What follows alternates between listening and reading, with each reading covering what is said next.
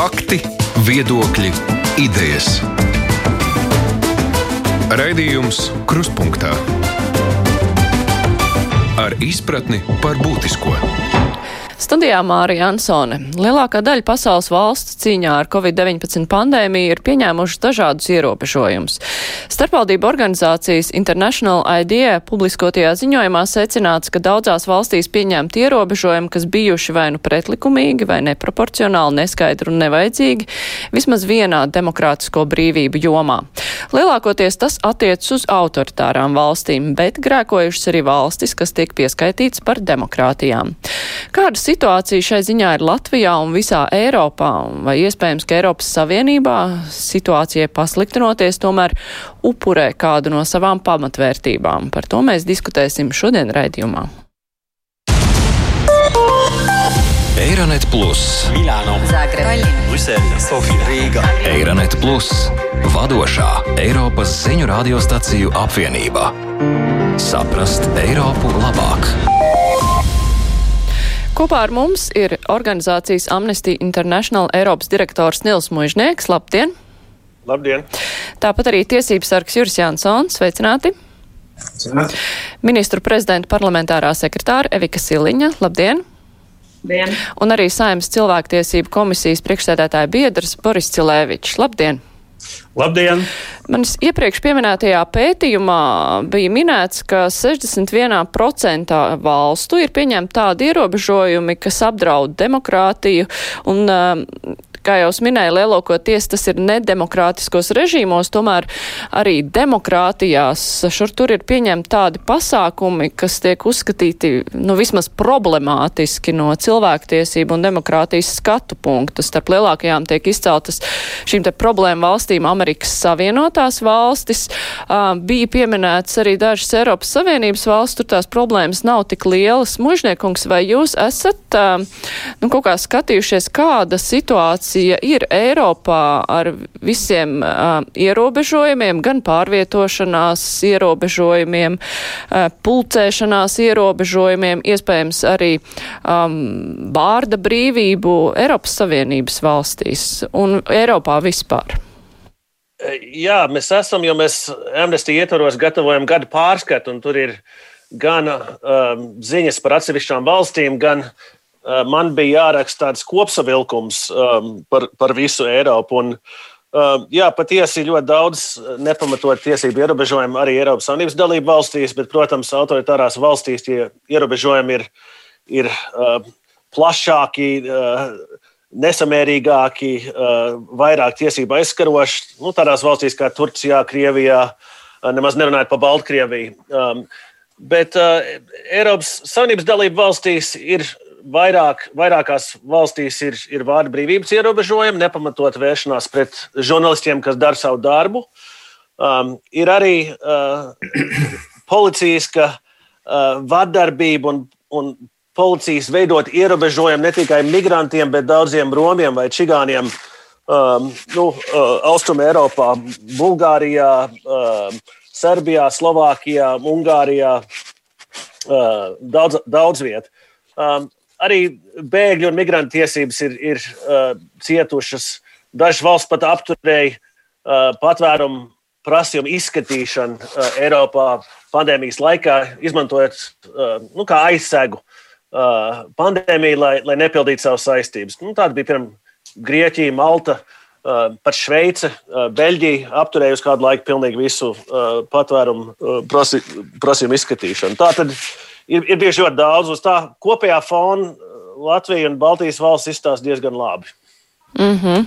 Jā, Latvijā pirmajā vilnī bija tā lielā veiksme. Mums bija ļoti maz saslimstība, ierobežojumi bija nu, diezgan lieli un strauji, tomēr tie bija samērā īslaicīgi un pakāpeniski tika atcelti. Tagad situācija ir sliktāka, ierobežojumi nu, arī ir un iespējams, ka tiks vēl palielināti, bet tas, kas ir līdz šim pieņemts, Cilēvičs kungs, vai jūsu skatījumā mēs esam ierobežojuši kaut ko, kas būtu uzskatāms par brīvību pārkāpumu?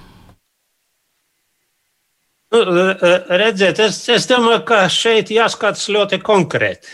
Jo, piemēram, vēl aprīlī uzreiz, kad sākas tie visi ierobežojumi, Eiropas padome daudz nodarbojas ar šo jautājumu, pievērsa nopietnu uzmanību.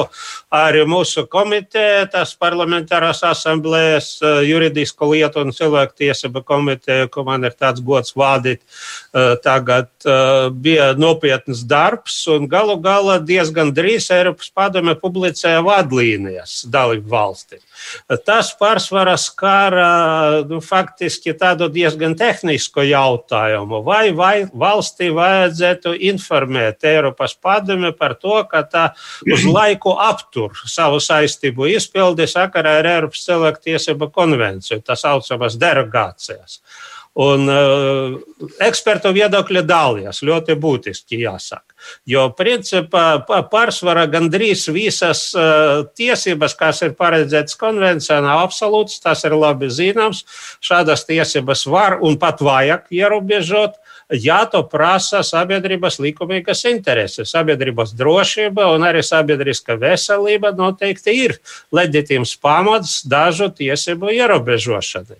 Un Latvija bija viena no pirmām dalību valstīm, kas e, izdarīja šādu atrunu un paziņoja Eiropas padomjas ģenerālsekretāram par, par tā saucamo derogāciju, ka tā aptur dažas tiesības. Un e, eksperti atzina, ka principā šī derogācija bija pamatota. Jo pirmkārt bija ļoti skaidri noteikts, ka tie, tas atrunas darbojas tikai uz ārkārtas situācijas laiku. Tātad, kad ārkārtas situācija beidzas, tad automātiski tie, tie uh, zaudē spēku arī šie uh, ierobežojumi. Otrakārt, tika ļoti konkrēti uzskaitīts visas tiesības, kas tiks uz laiku ierobežotas. Un ekspertu uh, viedoklī tas principā bija pamatots gan attiecību uz pulcēšanas brīvību, gan daļai uz tiesības uz, uz ģimenes dzīvi, tas skar ap, iespēju apmeklēt savus radus slimnīcas vai veceļaužu pansionātus, gan arī pārvietošanas brīvība, izglītības tiesības uz izglītību, tas skar attālināto attālinātas mācības. Tātad, bet, protams, jāskatās ļoti konkrēti, kā tās tiek iztenots. Un manā skatījumā patiešām vārda brīvība ir tāda visproblemātiskākā lieta, ko, ko jau Nils Mužnieks minēja arī. Jo dažos gadījumos noteikti vārda brīvība arī būtu jāierobežo. Ja cilvēks ļaunprātīgi izmanto šādas tiesības, un rezultātā cilvēki, kas tic visiem nu, fake news izplatītājiem, un tā tālāk. Viņa atsakās pildīt eh, ārstu ieteikumus, saslimst un mirst. Tas eh, acīm redzami eh, ir kaitīgs citu cilvēku tiesībām, un līdz ar to demokratiskai valstī būtu jāierobežo šāda rīcība. Un šeit es gribētu pievērst uzmanību ne tikai konvencijas 15. pantam, kas paredz tos, to, to, to iespēju ierobežot tiesības uz laiku, Eh, bet eh, arī 17. pantam, ka eh, tās tiesības, kas ir garantētas konvencijā, nevar būt ļaunprātīgi izmantotas. Un šajā gadījumā, manā skatījumā, ļaunprātīga vārda brīvības izmantošana, kas kaita citu cilvēku veselību un pat apdraud viņu dzīvības, nu šādā gadījumā patiešām vārda brīvība var tikt ierobežota. Bet galu galā tomēr lēmums būtu jāpieņem tiesai. Un es sagaidu, ka gan Latvijas tiesas, gan arī starptautiskas tiesas, un iespējams arī Strasburas tiesas šādas lietas tiks izskatītas. Jo nu, visa šī situācija ir pietiekoši jauna, jo pieredzes ir ļoti maz. Bet, protams, tas viss mums ir eh, ļoti pamacos. Jo patiešām uh, jāmācās ierobežot uh, tiesības tikai tad, kad šo tiesību īstenošana vai neierobežošana var apdraudēt citu cilvēku tiesības, un arī jāmācās neierobežot cilvēka tiesības tādos gadījumos, kad tāda apdraudējuma nav. Jautājums tiesību sargam Jurim Jansonam, kā jūs vērtētu, kā Latvija līdz šim ir spējusi tik galā ar cilvēktiesību, ievēr, cilvēktiesību samērošanu ar pieņemtiem ierobežojumiem? Nu jā, faktiski Te tā formula ir nu, visiem zināma, un viņa ir ļoti vienkārša. Tātad, ja tiek lemts par kaut kādiem ierobežojumiem, tad, tad ir jābūt leģitīmiem mērķim. nu, protams, leģitīmais mērķis, kā jau te var izskanēja, ja, tad, tad sabiedrības drošība un demokrātija, demokrātijas iekārtas saglabāšana, vai tas ir noteikts ar likumu, vai ir izmē, teiksim, izmērīta samērība, cik samērīgi ir šie ierobežojumi, un vai ir nu, teiksim, vērtēts par kādiem mazākiem ierobežojumiem, ja teiksim, vieglākiem ierobežojumiem, lai panāktu attiecīgi šo leģitīmo mērķi. Taču, protams, Latvijas Republikas satversme 116. pāns arī pieļauj, ja, vai tā tad arī paredz iespēju, ka nu, tieksim, ar likumu var pieņemt dažādu veidu šos ierobežojumus. Bet paradoks veidojās kamā? Paradoks veidojās tamā, ka tātad, lai saglabātu demokrātiskas valsts iekārtu, mēs ļoti būtiskus demokrātijas principus ierobežojam. Ja? Protams, ja Nu, kā jau tas arī izskanēja, un to mēs arī redzam diez, bieži vien teiksim, publiskā telpā, jo faktiski šobrīd ir tā. Pulcēšanās brīvība mums ir ierobežota, pārvietošanās brīvība mums ir ierobežota, partijas dibināt faktiski ir neiespējama. Suverēns, kas ir tauta, nu, tā reāli, nu, tad, tad suverēnā vara pieder tautai, suverēns faktiski ir palicis bez savas suverēnās varas, jo praktiski ir neiespējami norganizēt, piemēram, referendumu. Dabīgi, ja tā tad, ja valdība un likumdevējs atbildīgi ir rīkojies, proti, katrs ierobežojums ir izvērtēts nu, pienācīgi atbilstošai šai formulai, ja, tātad tas būtu uzskatāms par leģitīvu. Tā ir tā teikt, viena puse šai lietai. Otra puse, redziet, demokrātijā ir nu, arī tāds princips, ka nu, likuma vara tiek ievērota. Un te nu mēs runājam par to, ka ir sabiedrības nu, kaut kāda daļa vai sabiedrības grupas, ja, kas faktiski apzināti ignorē likuma varas principu. Un tas izjauc šo demokrātijas, nosauksim tā, to, to būtisko principu, kur ir likuma paklausīgie iedzīvotāji, kas ievēro, kas saprot kaut kādu uh, ārkārtējas situācijas uh, ierobežojumu, jēgu ja, un mērķi. Un ir uh, cilvēki, kas to neievēro. Un tad, tad līdz ar to arī ar to tā, nu, teiksim, demokrātiskā valsts uh, iekārta faktiski ir apdraudēta. Un, protams, uh, nu, ļoti, ļoti būtiski, ļoti nu, faktiski tas šobrīd ir izaicinājums arī, es pat teiktu tā, um, atbildīgajām tiesību aizsardzības institūcijām vārda brīvība versus uh, dezinformācija. Ja? Jo varbūt ir tā, ka tiešām ir cilvēki, kas nu, brīvi paužot savu viedokli, tiksim, tur pat nav nekāds apzināta, mērķiecīga uh, aicinājuma uz uh, nu, teiksim, likuma neievērošanu, bet tādā veidā viņi pauž neapmierinātību, nu, kā tas nereti mums arī ir sociālos tīklos, pauž neapmierinātību ar, ar šiem ierobežojumiem tā tālāk. Bet savukārt, ja uh, nu, teiksim, tā informācija tiek izplatīta ar mērķi, ja, teiksim, nu, vairot naida runu vai teiksim, mudināt uz vardarbību, mudināt uz nu, teiksim, valstiskās iekārtas graušanu, tad, tad tas, tas jau ir krimināls sodāms pasākums.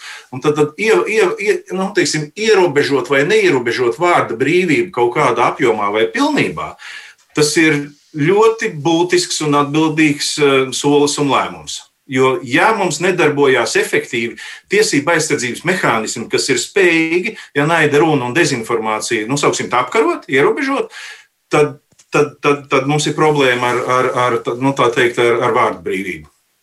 Silīns kundze, kā valdība tiek galā ar šo dilēmu un izsvēršanu cilvēktiesības, demokrātija un ierobežojumi. Kā tas tiek vērtēts? Cik tālu šobrīd būtu adekvāti ielo, ierobežot kādas brīvības, lai tas būtu nu, proporcionāli apdraudējumam un uh, sabiedrības interesēm? Kā tas tiek svērts?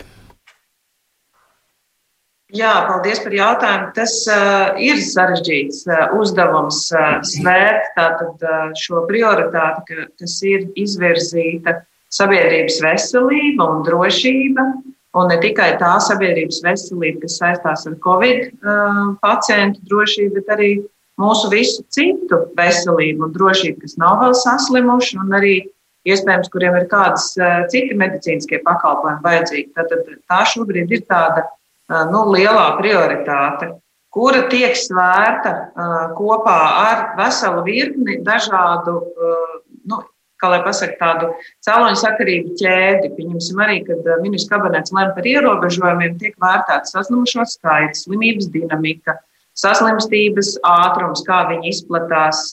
Tāpat arī veselības nozares spēja reaģēt uz šo saslimstību, cik pilnas mums ir slimības, cik smagi pacienti.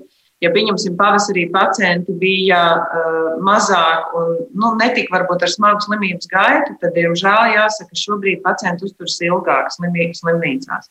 Tātad uh, tas laiks ir, lai atvesļotos, vajadzīgs ilgāks. Līdz ar to arī visi šie ierobežojumi, kas seko, uh, ierobežojums iepirkties varbūt tā, kā mums gribētos uz Ziemassvētkiem, nu, viņš ļoti sarežģīts gan politiski, gan sabiedrībā skaidrojams šis ierobežojums ir diezgan sarežģīti. Bet jāatcerās, ka valdība nedomāja par to, kā ierobežos kādu konkrētu pakalpojumu. Vairāk, kas prioritārais mērķis ir nodrošināt drošību un to, ko izvirzīja epidemiologi, pēc iespējas mazāk izklaides iespējas, pēc iespējas mazāk saskarsmes iespējas. Pēc iespējas mazāk veikalos izmantot nu, tādu izklaidi, pastaigāties vienkārši vitrīnu, vitrīnu iepirkšanās iespēju. Bet tā pašā laikā nodrošinot pirmās nepieciešamības preces, pārtiku un to, ko mums vajag tādām ikdienas vajadzībām. Arī pulcēšanās brīvība, kā jūs zinat, līdz 25 cilvēkiem tika atļauta. Un tikai tad, jau, kad situācija nu, pavisam sasniedz tādu robežu, kā bija skaidrs, ka arī uh, saslimušo skaits strauji aug, un ja mēs atļaujam lielāku pulcēšanās skaitu, un ja šie cilvēki pēc tam nonāk uh, stacionāros, un mums tā varētu rasties problēma, jo, ja cilvēki pulcējās, pieņemsim, klātienē 25, pēc tam viņiem ir kontaktpersonas vismaz 25, un tad vēl tās kontaktpersonas varētu sasniegt skaits, ka tas strauji izaug šis iespējamais risks apdraudēt gan sevi, gan citus. Un līdz ar to arī tādā veidā šie ierobežojumi tiek svērti e, pakāpeniski ejot soli pa solim, augot šai dinamikai, šai cēloņu sakarībai, arī tiek samazinātas e, no šīs cilvēktiesības.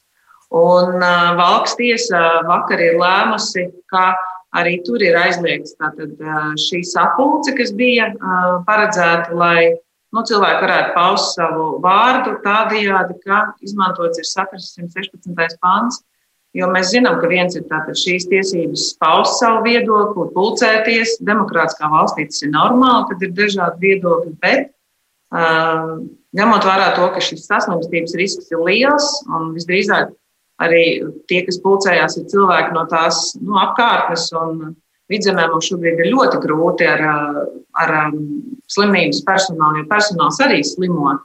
Un bija brīdis, kad nevarēja uzņemt pacientus. Līdz ar to arī es saprotu, ka ļoti loģisks ir šis tiesas spriedums, ka ņemot vērā sabiedrības veselības prasības un vispārējās prasības pēc drošības, tās stāv pāri šobrīd tiesībām pulcēties uz vietas. Bet neviens jau nav liedzis paust savu viedokli internetā, sociālos tīklos, kuri mums ir plaši pieejami. Un tā atkal ir tā nākamā, nākamā joma, vai tas tiek pausts tādā veidā, ka es vienkārši paužu savu uzskatu, pārliecību, kas ir normāli, un varbūt dažādi viedokļi, vai vajag tik ierobežojumu, tik lielu skaitu vai tādu. Man liekas, tas ir saprātīgi, tas ir ļoti labi, ka mums ir šādas iespējas. Mēs neesam ne mužnieka kunga pieminētā Baltkrievija, ne kāda cita autoritāra režīma valsts, bet ir svarīgi saprast, vai to cilvēki dara vienkārši paužot viedokli musinot tautu, izplatot kādu absolūti nepatiesu informāciju. Un mums ir viens tiesas spriedums, kur bija konstatēts, ka tika izplatīta arī absolūti nepatiesa informācija, gan statistikas datos. Cilvēks jau par šo informācijas izplatīšanu saņēma atlīdzību, tātad nolūks ir mankārība. Un skaidrs, tas ir uzskatāms par tā saucamo fake news vai dezinformāciju. Un, ja no tā cieši cilvēki, kas nenojauš, ka aiz tā stāv šis mankārīgais nolūks vai tāda vēlme iedzīvoties uz šādām ziņām, nu, tad cilvēki cieš. Un, manuprāt, tiesa ir lēmusi pareizi, piespriežot eh, šim cilvēkam eh, krimināla atbildības pantu par huligānismu. Nu, tā mums iet, mums neiet viegli. Mums noteikti neiet viegli. Šie patiešām ir visā Eiropā un pasaulē politiķiem ļoti sarežģīti laiki. Un eh, nevienam politiķim noteikti nav sapnis būt šādā krīzes laikā politikā, jo jāpieņem tiešām grūti lēmumi attiecībā pret saviem pilsoņiem, vēlētājiem.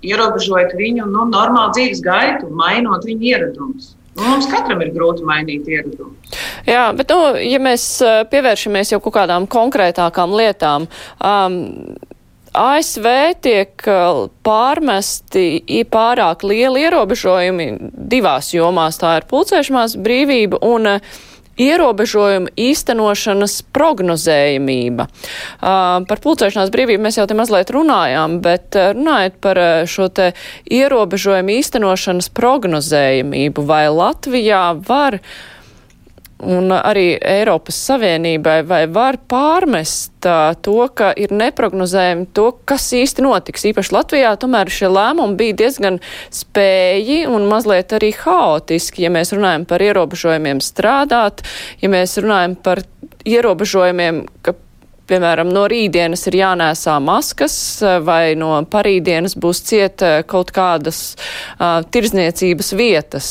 vai nu, tas ātrums, kādā veidā, kas neļauj cilvēkiem sagatavoties šīm pārmaiņām, vai tas ir problemātiska lieta, mužniekungs?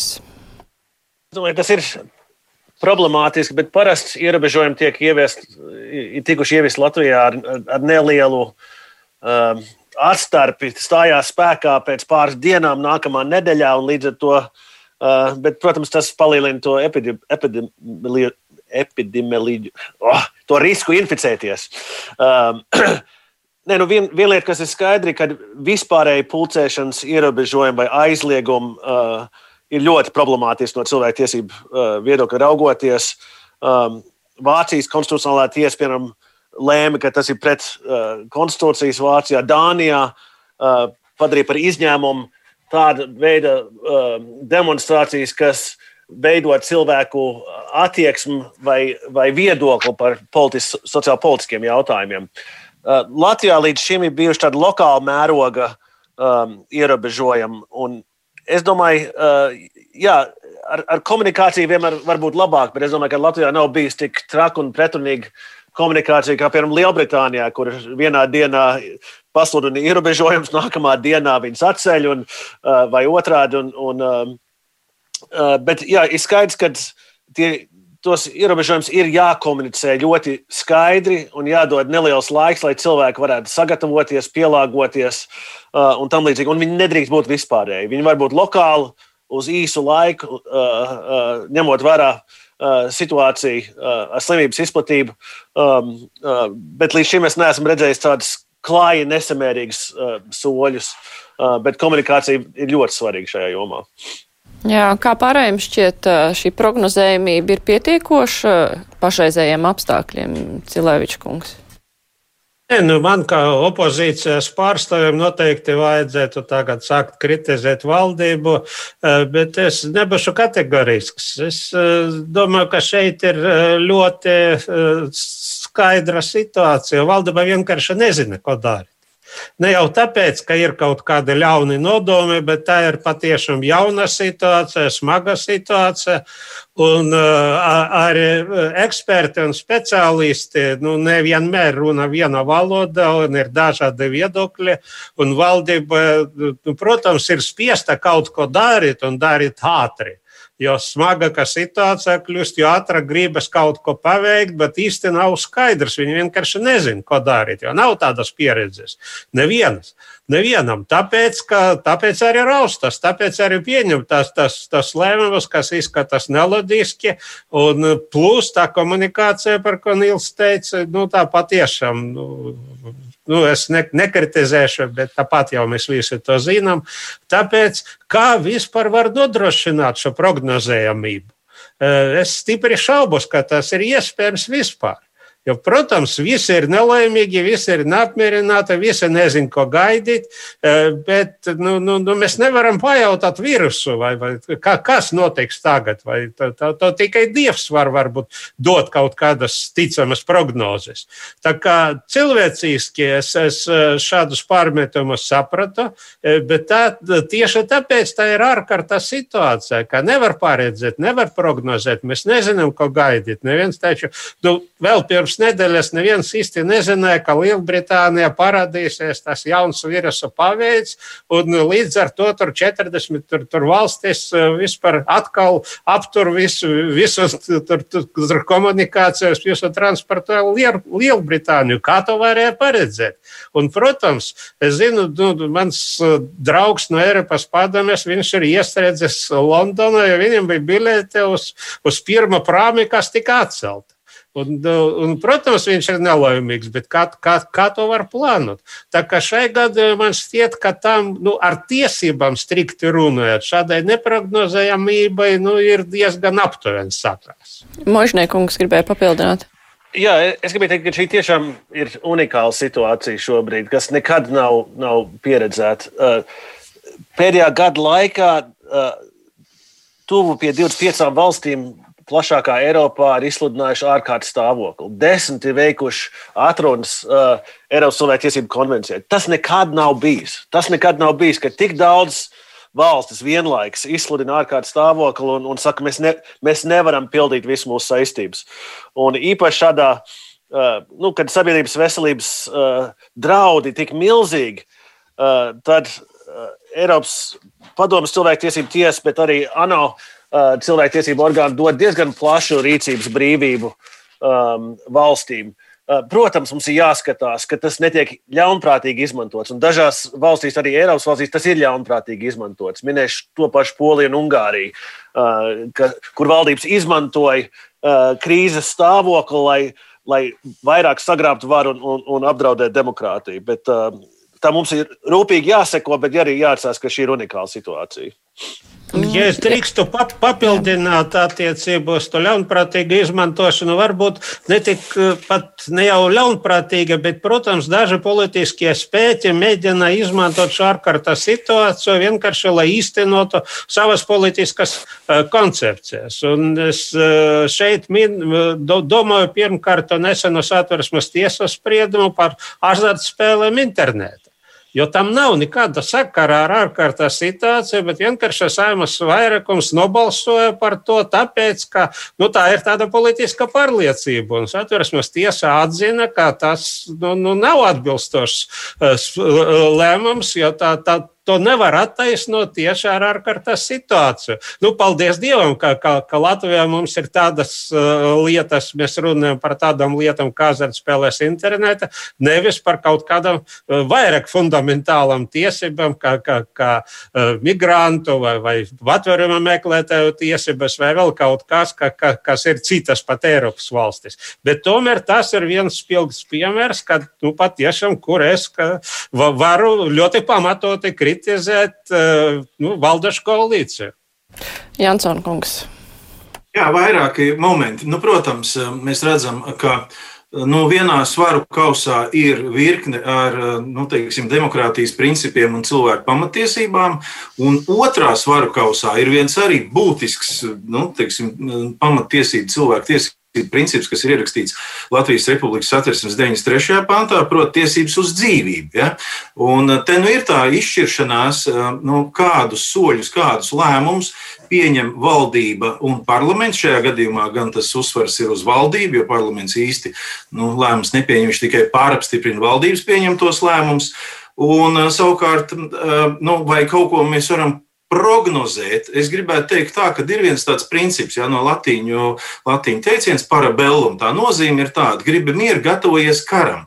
Un ar to es gribu teikt, tā, ka mēs redzam, ka tā situācija tikai pasliktinās. Ja? Tātad no saslimušo skaita, no slimnīcu kapacitāšu skaita. Tas nozīmē, ka, nu, manuprāt, varbūt tas valdībā tiek darīts, varbūt veselības ministrijā tas tiek darīts, bet, manuprāt, mums ir jādomā nevis tagad tik pa brīdim, kā palielināt tur gultu skaitu pa 50 un 100, bet stabili, es domāju, mēs varam, nu, tā teikt, uzlikt tādu mērķi, ja, ka, nu, uz pavasari mums vajag vismaz vēl tūkstots šīs gultas vietas gadījumā, gadījumā ja tiešām tā tad ir šis jau te, nu, teikt, jaunais mutējošais vīrus, ja, kuru principā ar, ar, ar kaut kādām šīm tradicionālām metodēm, nu, ierobežojumiem mēs nevaram apturēt. Tas jau būtu viens. Otrs, tātad arī domājot par, nu, teiksim, atbalstu tautsēmniecībai. Nu, tie arī bijuši saruna ar Tirzniecības rūpniecības kameras pārstāvjiem, un jāsaka tā, ka izskanēja, ka nu, viņi netiek līdz galam, nu, teikt, sadzirdēti. Vai pat ir situācijas, ka tur, kur ir kaut kāda, pieņemsim, vienošanās, nu, kā ar sociālo valdībai, kā ar sociālajiem partneriem, un gala rezultātā tie lēmumi, kas tiek pieņemti, ja, tad viņi Uh, ir pilnīgi citādāk, par ko viņi ir vienojušies. Es nerunāju tagad par atbalsta pasākumiem, uh, nu, kas ir dīkstāvs pabalsti un, un, un viss, kas ir saistīts ar darba ņēmējiem, bet tieši ekonomikas, ekonomikas nu, teiksim, uh, noturēšanai, mazo vidējo uzņēmumu noturēšanai. Tad tā arī ir viena vien milzīga problēma. Siliņas kundze. Es varbūt, jā, nu, klausoties arī kolēģos, domāju, Iedomājieties, pavasarī bija, atceros, veselības ministrijas ziņojumu, mums ir nu, tas maksimums 1000 gultas vietas. Un jāatcerās, ne jau tik daudz gultas ir problēma personāls. Personāls, kurš arī spēj, grib un var strādāt ar covid pacientiem. Tad šobrīd tas tūkstots ir nu, tuvu. Mums ir 800 vairāk slimnieku šobrīd stacionāros, un ik pa laikam nu, mainās skaits ļoti grūti ir prognozēt. Ļoti grūti ir prognozēt, kas notiks. Mēs esam jau valdības vadītājs ir atzīts, ka mēs būtu gribējuši ātrāk plānu, kādā veidā mēs rīkojamies, kādi ir šie riski, ko es iepriekš minēju, šī cēloņa sakarības starp saslimušiem, gultsvietu skaitu, personālu un dinamiku. Mēs būtu gribējuši to ātrāk. Bet jautājums, vai mēs arī vasarā šo plānu uzliekot uz galda, mēs tāpat nu, Covid attīstības tādus scenārijus par Lielbritāniju vai no kurienes nāks vēl lārējas kairinātājs, nu, diez vai mēs varētu uzlikt. Bet viennozīmīgi mēs esam atzinuši, ka valdībai ir bijušas problēmas ar šo saulēcīgo plānu, kas varbūt varētu jau tajā miera laikā ļaut vairāk prognozēt arī cilvēkiem no šos lēmumus. Bet tad mēs pēdējā laikā esam mēģinājuši paziņot, eh, ka būs šādu lēmumu, sagatavot sabiedrību un tad pieņemt lēmumu iespējams nākamajā kabineta sēdē. Bet tad arī dažādi sabiedrība uztver, ka kabinets nespēja vienoties. Nē, tā bija tāda taktika. Mēs gribējām jau tātad šo ziņu eh, sagatavot, nu, cilvēkiem iedot laiku, arī uzņēmējiem. Un, nu, grūti saprast, kas ir tas labākais veids, jo No otras puses, arī eh, ja eh, šie lēmumi nav strauji, tad mēs riskējam ar sabiedrības veselību. Nu, ja mēs redzam, ka mums pasaka, ka ir jūrmālas slimnīca, eh, Daugopilī ciet, vidzemē ciet, un mēs neko nedarīsim un gaidīsim, pieņemsim pirmdienu, un lēmums ir jāpieņem otrdien, nu, tas būs par vēlu. Tur neviens ministrs arī nav gatavs tik ilgi gaidīt, un ir skaidrs, ka tie lēmumi ir nu, vienu dienu atliekot, vai kaut kā tam līdzīgi jāpieņem. Ja runā par maskām, tad par maskām uh, nav bijuši, manuprāt, tik ļoti strauji tie lēmumi. Vienreiz uh, bija, arī... vienreiz bija, ka nākamajā, vienreiz bija. Jā, ka jau nākamajā dienā vajag masku no rīta. Un nu, tas cilvēki, bija pēc vēlās sēdes, jā, jā, jā, tas bija pēc vēlās sēdes piekrītu. Tā vēlā sēde bija smaga, tur bija ļoti daudz uh, strateģiski sarežģītu lēmumu, un viņi ievilkās ilgi līdz ar to arī nokomunicēt. Es piekrītu, tā varbūt bija viena no tādām sarežģītākajām. Attiecībā par sodiem mēs iedavām labu laiku, pēc tam kaut kā centāmies kompensēt to, ka bija gandrīz mēnesis cilvēkiem sagatavoties, viņiem viņi bija jānēsā, bet sodi nebija uzreiz spēkā. Manuprāt, tā bija tāda laba praksa. Es pats priecājos, kā jurists, ka mums izdevās vismaz tādā veidā nu, panākt, ka cilvēkiem tiek iedots laiks, taču arī no otras puses viņš nevarēja būt pārāk garš, jo mēs gribam, lai cilvēki aizsargā sevi un citus nesēt maskas. Tagad par bērniem skolās arī. Eh, ir šī prasība joprojām spēkā. Eh, bet eh, bija skaidrs, ja skaits strauji augs, tad iespējams vispār mēs nevarēsim bērnus laist uz skolu. Un pieņemot lēmumu par maskām, tas bija izējot no tā, ka tomēr mēs gribam šīs klātienes mācības mazākajiem bērniem, jo tā norāda izglītības speciālists, ka tomēr bērni tā kvalitatīvāk apgūst izglītību. Un te arī tāds kompromiss, nu, ko darīt. Bija versija viņiem jau tad pielēmt lēmumu par pagarinātu brīvlaiku, vai tad jau palaist bērnu brīvlaikā. Un tas notiek tādās nu, diezgan skarbās diskusijās starp dažādu nozaru pārstāvjiem, starp epidemiologiem, veselības nozari, starp ekonomikas nozari, starp izglītības nozari. Un, manuprāt, nu, mēs esam mēģinājuši to līdzsvaru kaut kādā veidā saglabāt. Šobrīd arī par pulcēšanos, ja atgriežas 25 cilvēki, var pulcēties. Un iespējams būs jāiet uz smagākiem ierobežojumiem, ja mēs redzēsim, kā uz jauno gadu tas skaits, diemžēl, nekrīt. Un tas ir varbūt labs laiks, kad ir varbūt ne tik aktīva biznesa darbība, skolās ir brīvlaiks. Mēs varam izmantot savas veselības labā. Tā kā, nu, gatavojamies. Nu jā, premjeras arī brīdināja, ka varētu būt arī nopietni pārvietošanās ierobežojumi, ja situācija neuzlabosies. Par to mēs runāsim pēc brīža. Es tikai ātri izstāstīšu, ir pienākuši dati no SPKC, ir pēdējās diennakts laikā reģistrēti 1004 jauni inficēšanās gadījumi, procents eh, testēto pret eh, inficētajiem ir 9,8 pozitīvi testi, eh, procenti pozitīvu testu, miruši, diemžēl, ir 16 cilvēki, un savukārt slimnīcās ir gandrīz 1998 pacienti. Tā kā šī statistika ne par ko labu, diemžēl, nestāst, un vēl es atgādināšu, ka Šodien kopā ar mums ir organizācijas Amnesty International Eiropas direktors Nils Muižnieks, tiesības sargs Juris Jansons, Evika Siliņa, premjera parlamentārā sekretāra un saimnes cilvēktiesību komisijas vadītāja vietnieks Boris Cilēvičs. Raidījums Krustpunktā. Par pārvietošanās brīvību. Nu, tagad ir viena lieta, ir šis Lielbritānijas stāsts, kur ļoti strauji tika slēgta avio satiksmē, kur tika slēgta arī dažas valstis slēdz arī citas ceļus no Lielbritānijas. Tur cilvēki sēž un dzīvo mašīnās, gaida, kad varēs tikt mājās. Un ir šis te otrais stāsts, ar ko ir Lietuva jau saskārusies, kur ir ierobežota jau pārvietošanās valsts iekšienē.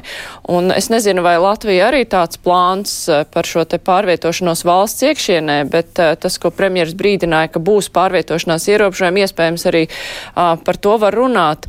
Uh, vai, uh, nu, kurā brīdī mēs varam uzskatīt, ka ir cilvēku kaut kāda brīvība tiesība ierobežošana šādās situācijās? Un cik tā tas ir normāli, saprotam, vajadzīgi, nepieciešami? Jautājums mužniekungam. Aha. Nē, es domāju, ka vispārējais tāds ierobežojums būtu nepieņemams, manuprāt. Tur būtu jāstāsta pēc situācijas, uz cik ilgu laiku tur būtu jāveic šis tiesību sarga pieminētais pārbaudījums un jā, jāizvērtē, vai nav kāda alternatīva. Es domāju, ka līdz šim, um, līdz šim tie, es domāju, no cilvēktiesību viedokļa raugoties, tikai tie ekstrēmi uh, paņēmieni tiek uzskatīti par ārkārtīgi problemātiskiem. Tas, kur Ķīnā un Kazahijā, ja nemaldos, tur um, aiztaisīt ciet daudz, daudz dzīvokļu māju durvis un nelaid cilvēkus ārā. Ja? Nu, tā ir cilvēku nepamatota aizturēšana um, un, un, un, un citu veidu pārkāpumu. Uh, aicināt cilvēkus palikt mājās pēc iespējas tikai iet uz veikalu pēc pārtiks. Uh, es domāju, ka uh, mūsu uh, Uh, situācijā, domāju, tas, tas varētu būt pamatots. Varbūt ne uz ilgu laiku, varbūt ne visur valstī, uh, bet tas ir jāizvērtē, vai tas dod kādu efektu, uz cik ilgu laiku tas ir jādara un kāda veida cita tiesības tas, tas ierobežo. Līdz šim mēs esam pieraduši pie daudz, daudz veidu tiesību ierobežojumiem, izglītības uh, tiesību ierobežojumiem, reliģijas brīvību tiesību ierobežojumiem, ģimenes un um, privātuma tiesību ierobežojumiem. Uh, Uh, un jācer, ka tie būs uh, uz, uz īsu laiku, un, un, un ka drīz varēs pakāpeniski uh, laist vaļā visu atkal. Bet es domāju, tā problēma ir, ka pātri, pātri palaid vaļā visus tos ierobežojumus. Tāpēc mēs esam tādā situācijā, kur esam šobrīd. Selīns kundze, es nezinu, vai jūs drīkstat stāstīt, kāda ir valdības plāna šobrīd runājot par pārvietošanos ierobežojumu, bet, bet ko ko tie varētu skart, ja mums eh, nu, izskatās, ka situācija neuzlabosies. Un pirms apmēram nedēļas tika dotas desmit dienas, ne pirms piecām dienām tika dotas desmit dienas, kā pusi laika jau ir pagājusi. Ar ko rēķināties? Nu, es varbūt detaļas nevarēšu šobrīd izstāstīt, bet uh, doma ir uh, vērtēt tiešām, uh, ja tas saslimušo skaits, un kā jūs pareizi sakat, nu, slikta statistika ir. Mēs negribam, lai, kā redzu video ārsti saka, mēs esam kara zonā, mums ir jāšķiro pacienti. Un tā laikam ir tā kritiskā robeža, ko mēs nevaram atļauties. Nešķirot covid pacientus, nešķirot jebkāda cita veida nopietnu saslimšanu pacientus. Līdz ar to tā laikam būs brīdis, kad mums būs jāpieņem lēmums par pārēju uz vēl stingrākiem ierobežojumiem, ka mēs patiešām paliekam mājās un ejam uz veikalu pēc pārtikas, vai mēs to piegādājam internetā. Šobrīd var izmantot dažādus šos distances līgumus. Patiešām galvenais ir vienkārši nepulcēties. Mēs negribam ierobežot cilvēkus tikai ierobežošanas pēc. Mēs gribam, lai viņi ir veseli, priecīgi un atgriežas pēc iespējas ātrāk normālā dzīvē. Tā mūsu gaisma tuneļa galā ir tātad iespēja vakcinēties, vakcinēties vispirms riska grupām, lai medicīnas personāls varētu pilnā amplitūdā atgriezties darbā, lai viņiem nebūtu bail iet uz darbu, lai vakcīnu viņus varētu pasargāt. Tāpat pansionātos jūs redzat, ir liels vīrusu saslimšana. Nu, man grūti šobrīd nu, spriest, vai es varu tā prognozēt, ko mēs varētu ierobežot pa reģioniem pārvietoties. Nu, daž, mēs mācāmies viens no otra. Eh, es zinu, ka lietuviešu kolēģi ir minējuši premjeram, ka viņi labprāt gribētu tādus eh, tirgošanas ierobežojumus, eh, kādi ir mums, jo viņiem viens lielais neminējuši nosaukumu ķēdes tīkls var tirgot visu, un pārējie mazie līdz ar to ir spiesti būt slēgti. Viņiem patīk mūsu ierobežojumi, mums daudz tika kritizētas šīs preču grupas. Mēs noteikti skatīsimies arī uz saviem kaimiņiem, no ko viņi ir vēl gājuši tālāk, ierobežojot cilvēku pārvietošanās brīvību. Vai mēs vēl kādus um, tirzniecības punktus varam ierobežot? Es nezinu. Manuprāt, tur jau ir diezgan izsmelts šis lokus varētu kaut ko par publiskajiem pasākumiem domāt. Arī jāskatās, varbūt, ka pietiek ar to, kā ir, ka 25 cilvēki var satikties, bet tad reģionāli mēs ierobežojam. Nu, iespējams, kaut kāda starppilsētu kustība varētu tikt vairāk skatīt, un uh, robežas noteikti vēl stingrāk robežas. Jo mūsu pavasara faktiski laimes stāsts, nu, veiksmes stāsts ir, ka mēs ļoti ātri aizslēdzām lidostu un ierobežojām starp starpvalstu satiksmi. Problēma bija nedaudz ar tranzītu, bet ne mums. Problēma bija uz citām robežām. Tranzīts ir tas, kas mums ir jāatstāj, jo, kā mēs uzzinājām, pavasarī izrādās pienu mēs ražojam, bet pakas nē. Līdz ar to tas ir ārkārtīgi svarīgi, lai tomēr nu, tās pirmās nepieciešamības preces mums būtu. Nu, domājam kaut ko tādā virzienā, bet es negribu spekulēt, jo tā tiešām būs spekulācija. Bet es, es vairāk sagaidu tādu ekspertu vērtējumu. Jansāna kungs. Jā, vēl viens aspekts, un manuprāt, tas ir ārkārtīgi būtiski, proti, nu, Latvijas iedzīvotāji, nu, kā jau lielākā daļa Eiropas iedzīvotāji, ir nu, sociāli, sociāls, nu, sociāls būtnes. Tātad ir pieraduši pie socializācijas, pie, pie nu, apmeklēt dažādas arī kultūras pasākumus un tā tālāk.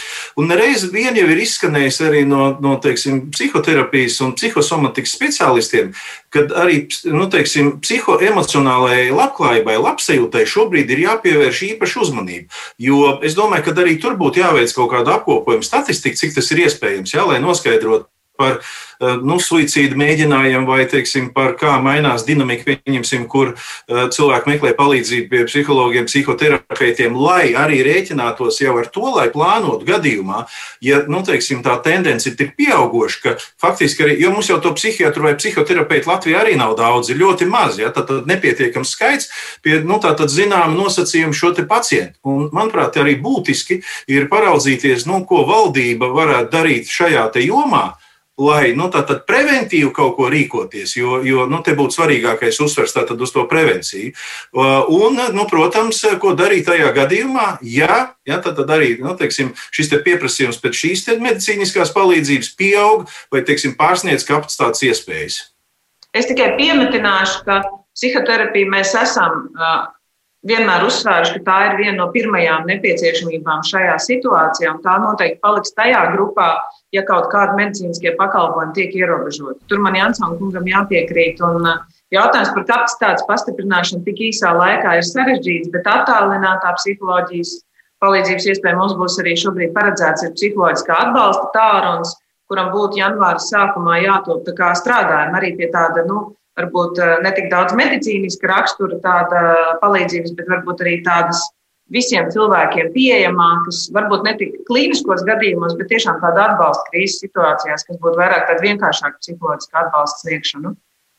Jā, Cilēviča kungs, kā jums šķiet, cik tālu būtu nu, pašreizējā situācija adekvāta un ar ko komplektā būtu jānāk kaut kādiem tālākiem, nu, kā jau te mēs pieminējām, arī pārvietošanās ierobežojumiem? Nu, ziniet, godīgi sakot, es domāju, ka es e, esmu tāds rēts izņēmums. Es neuzskatu sevi par ekspertu šajā jautājumā, kā cīnīties pret covid. Tur spriežot pēc sociāliem tīkliem, nu visi zina, esmu laikam vienīgais vai viens no nedaudziem. E, šai gadījumā jāpaļaujas, protams, uz ekspertiem, uz, uz speciālistiem. Jo, cik es zinu, tajās valstīs, kur patiešām tika noteikti diezgan stingri pārvietošanās ierobežojumi, bet pamatoti, tomēr tas palīdzēja. Tad tas palīdzēja apturēt tā, tā, tās slimības izplatīšanos, kā piemēram Francija, nesen Strasbūra. Tur uh, bija aizliegts cilvēkiem uh, attālināties no savas mājas tālāk par kilometru un atrasties ārpus mājas ilgāk par vienu stundu. Protams, vienmēr bija izņēmumi, ja tas bija saistīts ar kaut kādu svarīgu darba pildīšanu un tā tālāk, bet tiešām policija to kontrolēja, pārbaudīja, bija īpaši dokumenti, ko vajadzēja aizpildīt to laiku, kad, kad tu pamet savu māju un kāds ir nolūks un uz kurieni tu, tu dodies. Nu, šķiet, ka, ka patiešām nu, kaut kāda antiutopija, kaut kas nekas neiedomājams. Bet tas palīdzēja apturēt izplatīšanos. Un šajā gadījumā man, man patiešām nu, ir ļoti diferencēta attieksme. Eh, man šķiet, ka eh, nu, es uzskatu, ka mums ir nu, pilnīga izgašanās ar izglītības jomu. Bet tas ne jau krīzes dēļ. Tas viss sākas krietni pirms krīzes, un tas, kas notiek ar skolām tagad, tas ir tiešas sekas tam, kas notiek pirms krīzes.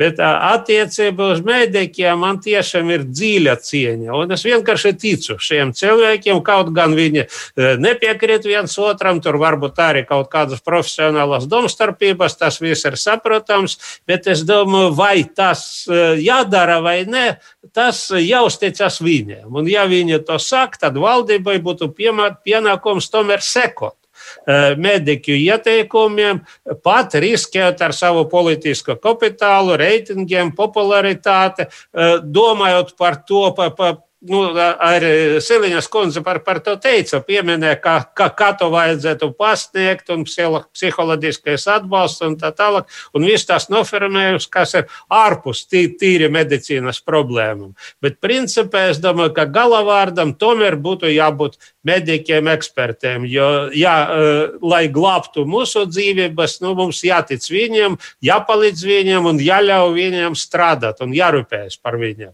Nu, protams, man, man te vajadzētu pieminēt par to visu problēmu ar mediķu algām un tā tālāk, bet es to nedarīšu, jo nu, mēs jau runājam nevis politiski, tā nav politiska diskusija. Es ļoti ceru, ka valdība un valdība veidojušās partijas izdarīs pareizos secinājumus no visas šīs situācijas un tomēr nu, pārskatīs savas prioritātes, kas ir vajadzīgs un kas ir svarīgs mūsu valstī.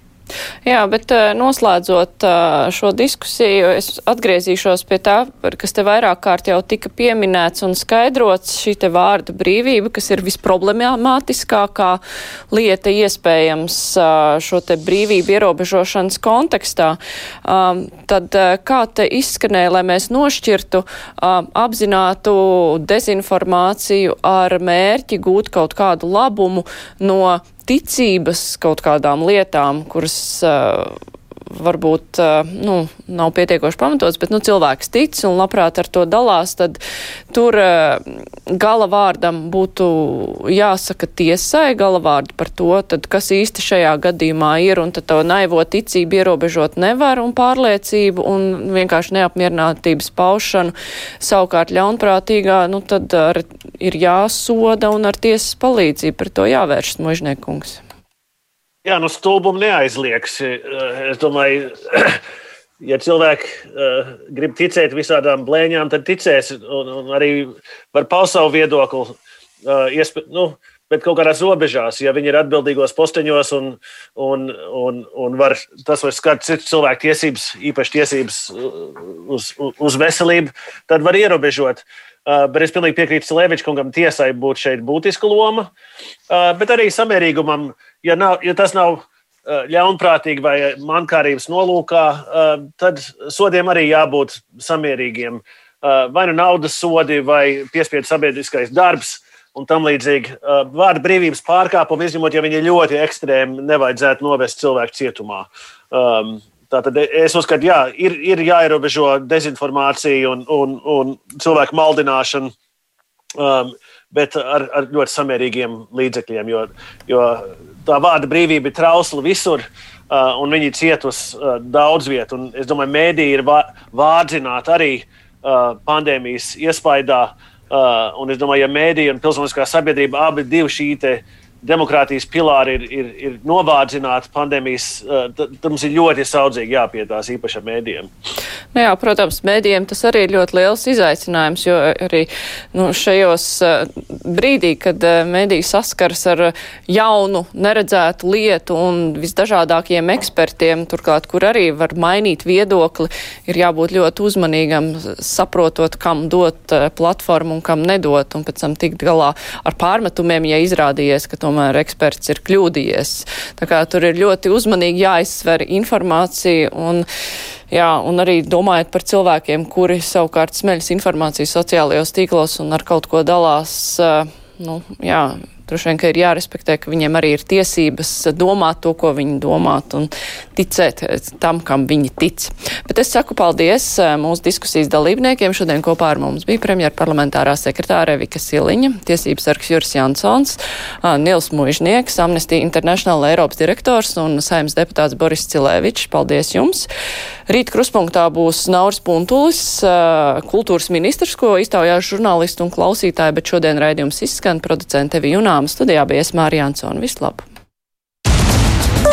Fakti! Eironet Plus! Zagreba! Sofija! Rīga! Eironet Plus! Vadošā Eiropas ziņu radiostaciju apvienība. Saprast Eiropu labāk!